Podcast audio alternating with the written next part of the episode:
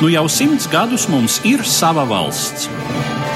Tā tapa strauji un apņēmīgi ieņēma vietu kā ģeopolitiskajā telpā, tā savu pilsoņu apziņā. Tā mums bija arī tad, kad pastāvēja vien atmiņās un nākotnes cerībās. Šodien tā ir un paliek atskaites punkts mūsu domām, vārdiem un rīcībai. Šogad ceļā uz Latvijas simtgadi uzlūkojam pagājušo gadsimtu caur laikmetu raksturojošu personību prizmu. Raidījumu cikls Gadsimts ar savu valsti ēterā katra mēneša pirmajā trešdienā Latvijas Radio 1. Labdien, cienījamie klausītāji! Mūsu šodienas varonis ir Alfrēds Bērziņš, viens no ietekmīgākajiem cilvēkiem Kārļa Ulmaņa autoritārā režīma darbinieku starpā, un arī jādomā vienas no visvairāk lasītajām šim Latvijas vēstures posmam veltītajām memoāru grāmatām, proti Alfrēda Bērziņa Labie gadi pirms un pēc 15. maija ir šīs grāmatas nosaukums. Mans sarunbiedrs studijā ir vēsturnieks Artūrs Žvinklis. Labdien! Runājot par Alfrēda Bērziņa dzīves pirmajām desmitgadēm, tas ir tipisks un arī no tā laika procesa viedokļa raugoties ļoti pozitīvs jauna cilvēka attīstības ceļš. Bērziņš ir dzimis Ziemeļvidzemē, mežsarga ģimenē, tātad nāk, var teikt, no zemniecības vides.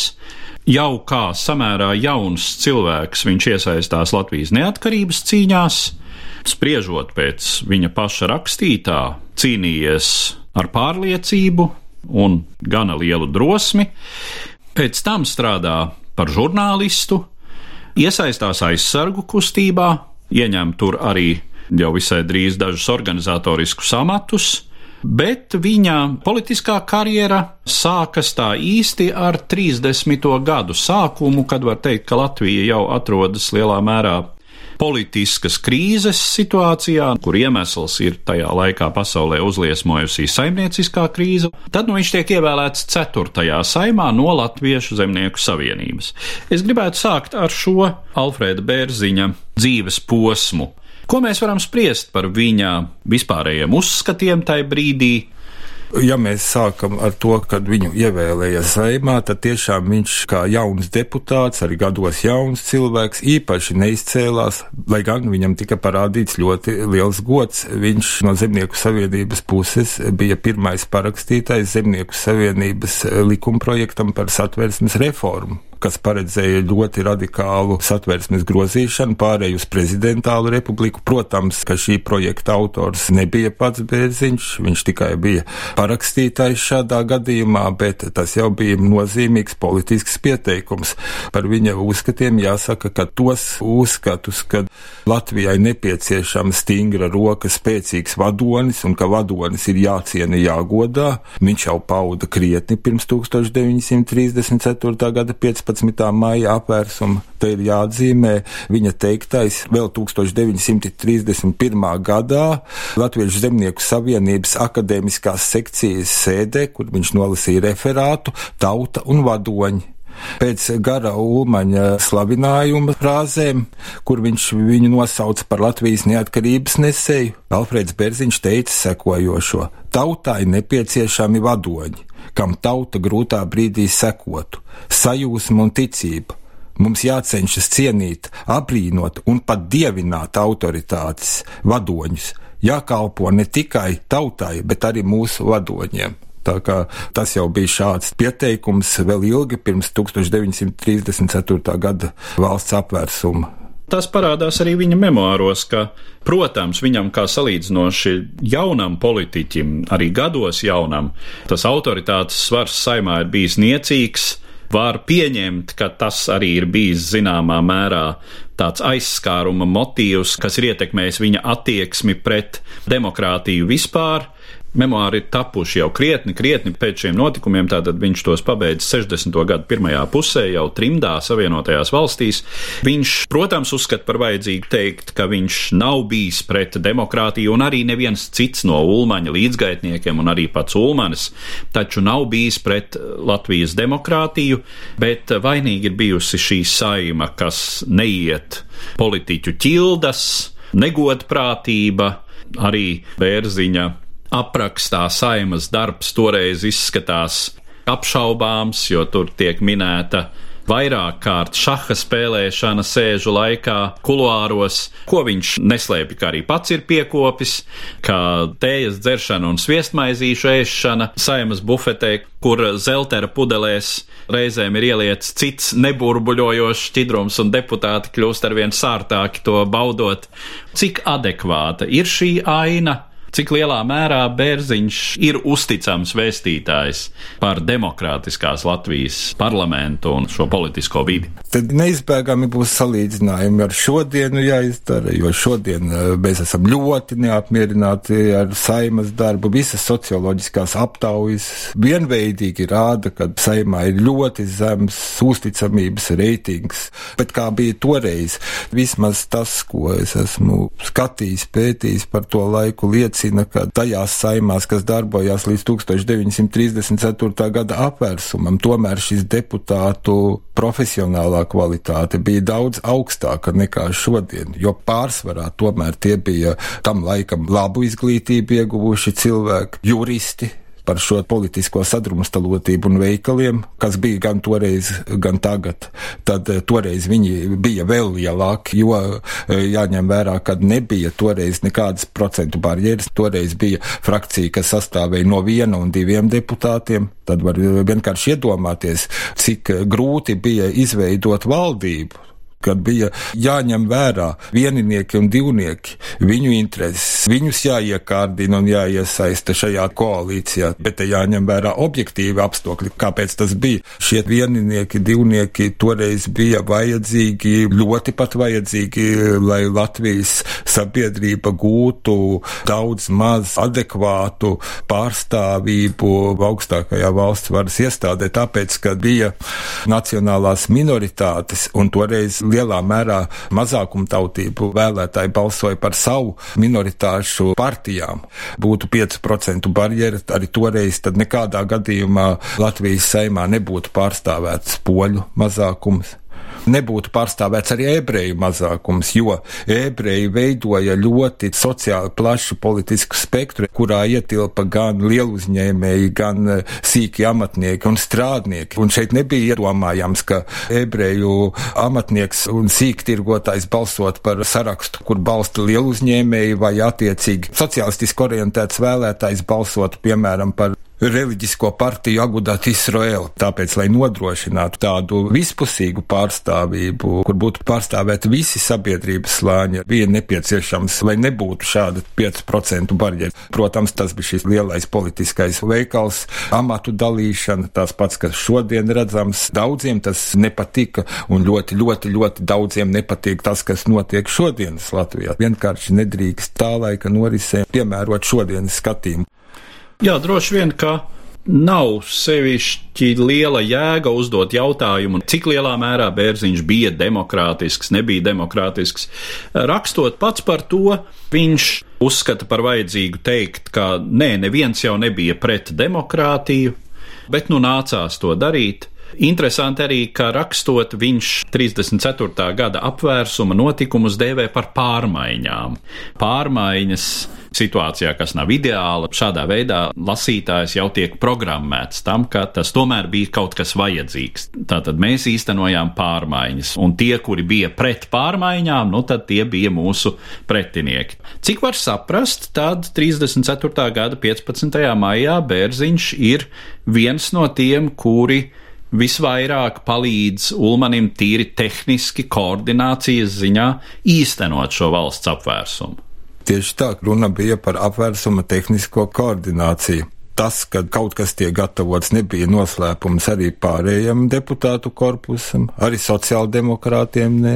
Ir stāsts par to, kā sociāldemokrāta frakcijas deputāts Bruno Kalniņš piegājis pēdējā saimas sēdē, tas ir 1934. gada 15. maija vakarā pie Alfrēda Bērziņa un uzrunājis viņu sekojoši. Nu, pučai ģenerāli, kur tad ir jūsu apvērsums, kam šodien bija jānotiek? Uz ko Bērziņš atbildējis? Ja nebija šodien, tad būs rīt. Un tiešām tā arī notika. Bērziņš ļoti aktīvi iesaistās valsts apvērsuma gatavošanā. Viņš ir eh, šī apvērsuma tehniskais sagatavotājs, tā mēs varētu viņu pat nosaukt. Protams, viņš iespējams savās atmiņās mazliet pārspīlē savu lomu. Šajos notikumos ir ļoti rūpīgi jākonfrontē, jāsalīdzina gan Alfreda Bērziņa atmiņas, gan citu tā laika biedru norīšu dalībnieku atstātās atmiņas, gan arhīvu dokumenti. Un te ļoti nozīmīgs ir Erika Erika Jēkabsona sagatavotais savā laikā un publicētais dokumentu krājums apvērsums. Tieši uz dokumentiem balstīta grāmata, kas sniedz tiešām pagaidām visplašāko ieskatu, kā tika sagatavots šis apvērsums. Te gan jārunā, protams, arī par tām attieksmēm, kas bija Alfredam Bērziņam ar pārējiem šī apvērsuma gatavotājiem, kaut vai ar eh, ģenerāli Jāni Balodi, kurš diezgan rezervēti vai pat nicinoši izturējās pret Alfredu Bērziņu un Vilhelmu Munteru, uzskata uzskatot viņus par iznedeļiem, kam nav nekādu īpašo nopelnu. Latvijas priekšā ir apgalvojumi, ka ģenerālis Balodis piekrītas piedalīties šajā apvērsumā tikai ar nosacījumu, ka tādi cilvēki kā Alfreds Bērziņš un Vilhelms Munters neieņems ļoti augstus amatus, un sākotnēji tas ārēji arī tika ievērots, jo Alfreds Bērziņš ieņēma iekšlietu ministra biedra amatu gan ar balstiesībām ministru kabinetā, un uh, Vilhelms Munters vēl uh, arī ilgu laiku nekļuva kļuva par ārlietu ministru. Bērziņam, piemēram, tas prasīja trīs gadus, līdz viņš ieņēma pilntiesīgu ministra amatu kā sabiedrisko lietu ministrs. Tas ir 1937. gada pavasarī. Un jādomā, ka Bērziņš arī nemelo savos memoāros rakstot par to, ka patiešām pēc apvērsuma bija apsveikumi no tautas. Varbūt viņš mazliet pārspīlē to tautas sajūsmu, bet tas, ka patiešām tajā brīdī neviens noteikts politisks spēks vai kāda lielāka sabiedrības daļa nebija gatava cīnīties par demokrātiju pret autoritāro režīmu, tas acīm redzami ir tiesa. Jā, tas ir nenoliedzami. Nebija gatavi arī ne sociāldemokrātu strādnieku sports un sargs iziet ielās, ne sociāldemokrātu kontrolēto arotbiedrību biedri strādnieki, respektīvi, nebija gatavi kaut kādai pretestības izrādīšanai. Tas tiešām tika uzņemts lielā mērā ar klusu piekrišanu. Cita lieta, kad ejot šiem gadiem, daudz kas sāka apnikt. Te var palasīt ļoti dažādu cilvēku atmiņas par to laiku un uh, secināt, ka bieži bija parādība, kas, diemžēl, raksturīga arī diktatoriskiem uh, režīmiem, autoritāriem režīmiem. Amatus sāka ieņemt uh, cilvēki, kas ir pietuvināti varai. Te nav runa tikai, kad lielajam vadonim tuvas personas, lūk, ieņem augstus amatus. Vienkārši varam runāt par apriņķu līmeni, par pagastu līmeni, kur attiecīgi aizsargu priekšniekam tuvināti cilvēki pēc tam iegūst visādas privilēģijas, labas vietas, labus darbus, kur vairs neskatījās uz profesionālismu, kas gan bija deklarēts, ko Ulmanis vienmēr bija deklarējis, uzsvērs, un arī Alfreds Bērziņš uzsvērs, kad lūk, vadoņi zina, ko izvēlēties, zinoši cilvēki jāizvēlas. Tad dzīvē notika pilnīgi savādāk, bet diemžēl to pašu jāsaka godīgi mēs redzam arī šodienas Latvijas demokrātijā. Nu, un, protams, kas attiecas uz propagandas sfēru. Tas arī cilvēkiem sāk sākumā likties smieklīgi, pēc tam sāk apnikt, sākās ar to slaucamo Latvijas atzimšanas dziesmu tūliņ pēc apvērsuma, par ko ilgi smējās Eiropā un pat mūsu kaimiņu valstī Igaunijā par to rakstīja diezgan kritiski un neglaimojoši tajā laikā. Šīs propagandas izrādes galvenais veidotājs bija tieši Alfreds Bērziņš, un izrādes mērķis bija cildināt vadoni, parādīt visu pārējo laiku Latvijas vēsturē kā tādu pakāpi pakāpenisku gatavošanos tam, kas nāca 1934. gada 15. maijā. Gatavojoties runāt par šo tēmu, man iešāvās prātā ļoti nosacīti. Bet nosacīti ar bērziņš taču ir salīdzināms pēc ieņemamiem amatiem, īpaši pēc 37. gada, kad viņš ieņēma sabiedrisko lietu ministra amatu ar uh, Gebels. Nu, īsts latviešu Gebels sanāk. Un tiešām, palastot uh, dokumentus, atrodama Polijas militārā atašēja Latvijā 1934. gada 26. maija uh, vēstuli savai priekšniecībai, kur teikts burtiski sekojošais. Bērziņš iecelts iekšlietu ministra biedra amatā. Tur Turklāt viņam ir pakļauta aizsargu organizācija, policija un preses un propagandas daļa. Tātad Gebels un Gerings vienā personā. To raksta laika biedrs šādā gadījumā. Nu, te gan mums uzreiz jāsaka viena lieta, ka tehniski kā Gebels, ne politiski ideoloģiski, jo Gebels vadījās no drausmīgiem meliem un antisemītisma. Šeit eh, tomēr, eh, lai nu ko, bet pārmest Alfredam Bērziņam antisemītismu būtu pilnīgi nevietā. Un arī, kas attiecas uz meliem, propaganda ir propaganda. Un te mēs atcerēsimies tajā laikā visas šīs autoritārās, un totalitārām jau īpaši valstīm bija raksturīgi, ka šie propagandas aparāti, propagandas ministrijas, padomju savienībai tas bija konsekventi. Te nebija, teiksim, tā ministrija propagandas, te bija vesels propagandas aparāts, kuras vadīja visu līmeņu komunistiskās partijas propagandas un aģitācijas nodaļas. Tā kā šādu gebelsiņu bija visos līmeņos, sākot no Raikoma parasta, beidzot ar uh, Savienotās Republikas kompartiju un uh, eh, PSKPCK, jeb toreiz VKBP. Tiešām rezumējot, ka Alfrēds Bērziņš droši vien ir salīdzināms ar Jozefu Gēbelsu tikpat lielā mērā, cik Kārlis Ulmans ir salīdzināms ar Hitleru vai Staļinu. Tieši nu, tā. tā tad, jā, protams, nedemokrātiska režīma propagandas darba organizētājs un visas sabiedriskās dzīves organizētājs, bet katrā ziņā ne ļaunu, slepkauniecisku melu izplatītājs. Tieši tā, tās ir divas pilnīgi dažādas lietas. Šie režīmi nav salīdzināmi. Autoritārais režīms to neizdomāja vēsturnieki vēlāk mūsdienu Latvijā, to izdomāja pats Ulmanis. Var paņemt jebkuru pēc 34. gada 15. maija izdotu valsts adresu kalendāru, un tur ir atzīmētas svētku dienas. Un 15. maija atzīmēšana šie svētki tiek saukti par autoritārā režīma un valsts vienības iedibināšanas dienu. Tātad šo nosaukumu izvēlējās pats Ulmaņa režīms sev režīmi nav salīdzināmi tādā aspektā, jo Latvijā nebija vispār neviena politiski motivēta nāves soda. Bija piespriesti daži, bet viņi netika izpildīti. Runāja par spiegošanu padomju savienības labā un darbību nelegālajā komunistiskā partijā. Tie burtiski daži cilvēki, bet spriedums netika izpildīts. Nāves sods tika aizstāts ar 15 gadiem katorgā, atšķirībā no kaut vai nacistiskās Vācijas, kur politiskie nāves sodi bija plaši izplatīti un par padomju Padomju Savienību vispār nerunāsim, kur izrēķināšanās skāra savus partijas biedrus tikai uz aizdomu pamata, ka viņi varētu kādā veidā apdraudēt Staļina režīmu.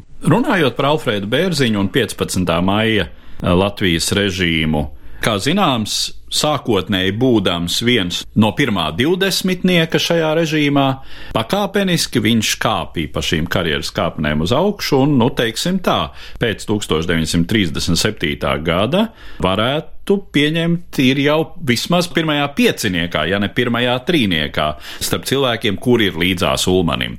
Kādas personības īpašības to noteica? Viens nepārprotami uzticamība vadonim. Bērziņš ir Ulmanim absolūti uzticams, viņš ir Ulmaņa personības fascinēts, viņš uzskata Ulmanu par ideālu. Tas nepārprotam parādās arī viņa rakstītajā Es noteikti kā otro, kā uzsveram, atzīmētu viņa milzīgi labās attīstītās organizatoru spējas un spējas vajadzības gadījumā risināt konfliktus, jo vēsturē ir atstāta liecība, kā viņš spēja atrisināt darba konfliktu. Te jāatzīmē, ka Bērziņam bija uzdots būt galvenajam atbildīgam ne tikai par valstisko audzināšanu, presi, biedrībām, poligrāfiskām iestādēm, privātiem teātriem, kino un radiofonu bet arī par uh, darba konfliktu risināšanu. Un īsi pēc 1934. gada apvērsuma bija izcēlies darba konflikts. Faktiski jau sākās streiks gumijas izstrādājuma fabrikā Continental, kur Bērziņš personīgi panāca to, ka darba devējs bija spiests atcelt ieceri paaugstināt izstrādes normas, kuru dēļ sākās šis konflikts. Tā tad eh, tiešām spējas organizēt, spējas pārliecināt, ja vajadzīgs izdarīt spiedienu,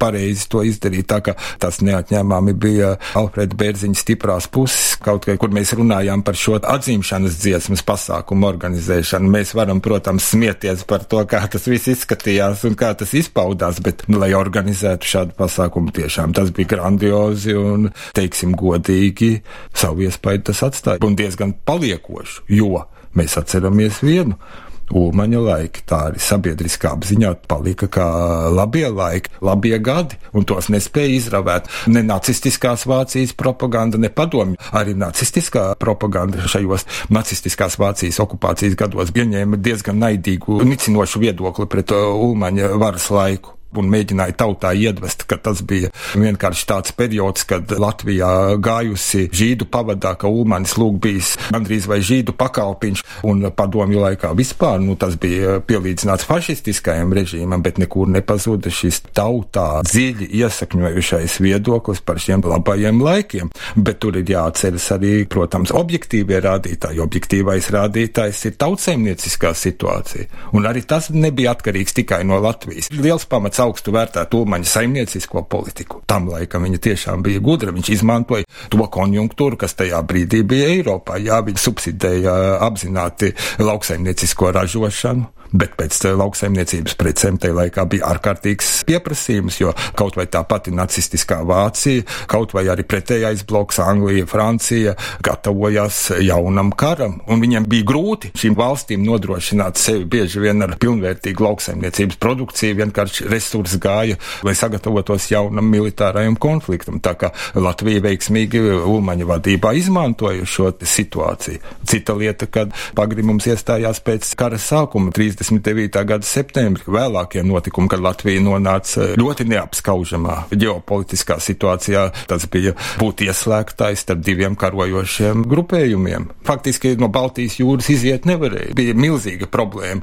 un tad Ulmanis izdarīja, arī cenšoties meklēt izdeju, izdarīja šķiet ļoti lielu kļūdu, kad sāka apsvērt iespēju ieviest vispārēju pilsētas iedzīvotāju darba klausību lauksaimniecības darbos. Tas atstāja ļoti negatīvu iespaidu. Un um, izplatījās šis viedoklis, ka būtībā gandrīz vai grib pārdot pilsētniekus lauku buču verdzībā, un te nu jāskatās un jāizprot uh, arī tā situācija 1940. gadā, kad notika Latvijas okupācija un aneksija vēlākā, kāpēc nebija pretestība šiem notikumiem, kāpēc nebija pretestība Latvijas sovietizācijai tādā veidā un padomju režīmu uzspiešanai. Pretestība tomēr bija tikai epizodiska lielā mērā tāpēc, ka Ulmans bija bija pieteicis vai viņam tika piedāvāti šādas ieceres.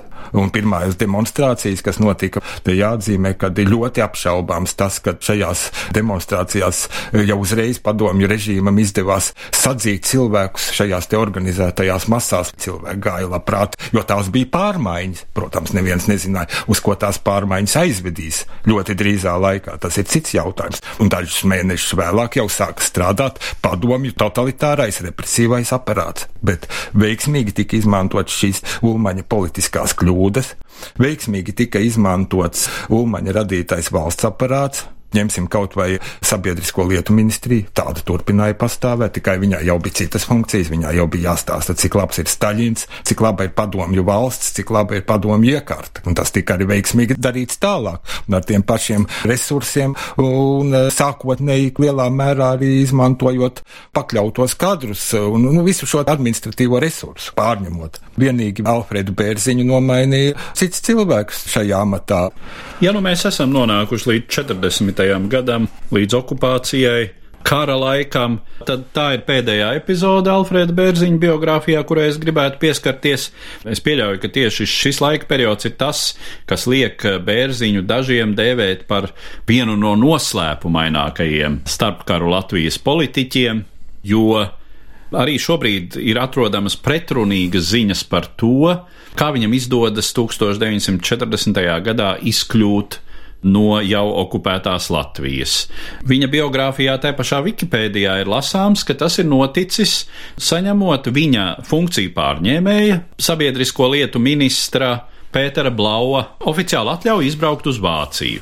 Savukārt pats Bērziņš savos memoāros apraksta drusku tādu spiegu romāna cienīgu epizodi ar bēgšanu, ar pazīstamu aizsargu palīdzību pāri Igaunijas robežai, tad līdz Tallinai, un tad pēc kāda laika nokļūstot uz kuģa, ar kuru izdodas sasniegt Helsinkus. Nu, un tālāk ceļš jau uz Zviedriju un uz Vāciju, kur Bērziņš savukārt uz teju trīs gadiem nonāk vispirms Gestāpo cietumā un tad Zaksenhaus Mauthausenas koncentrācijas nometnē. Viņam inkriminē sadarbību pirmām kārtām ar Britu izlūkdienestiem. Nu, tur ir vēl vairākas epizodes arī par kontaktiem ar toreizējā NKVD pārstāvjiem jau šeit Latvijā, kuri viņu mēģina piedabūt parakstīt kādu papīru par slepenu nolīgumu starp Latviju un Hitlera režīmu.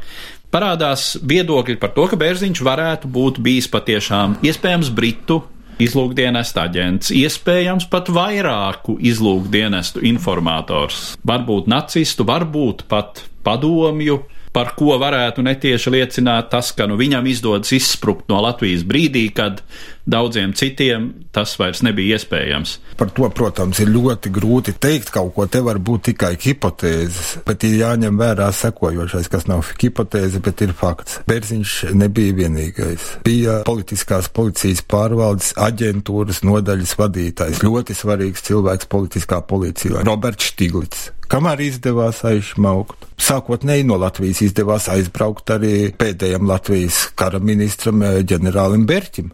Viņu pēc tam atmānīja atpakaļ uz šejieni. Bet sākotnēji izbraukt izdevās, tā kā viņš nebija vienīgais. Jā, vēl bija eh, izglītības ministra biedrs Čamanis, bet tas aizbrauca pa Vatikāna līniju. Kāds vēl ir fakts? Tas, es domāju, nevienam nav noslēpums un īpaši nebūtu slēpjams, ka viņa pēctecis Pēters Blaus bija saistīts ar eh, NKVD. Viņš bija aģents, Viņam bija segvārds, apšestveņķis, sabiedriskais darbinieks. To var izlasīt Latvijas politiskās policijas pārvaldes pēdējā priekšnieka eh, Jāņa Friedrichsona Skraujas krimināllietā kur eh, šis aģents ap šestviņik tiek atšifrēts.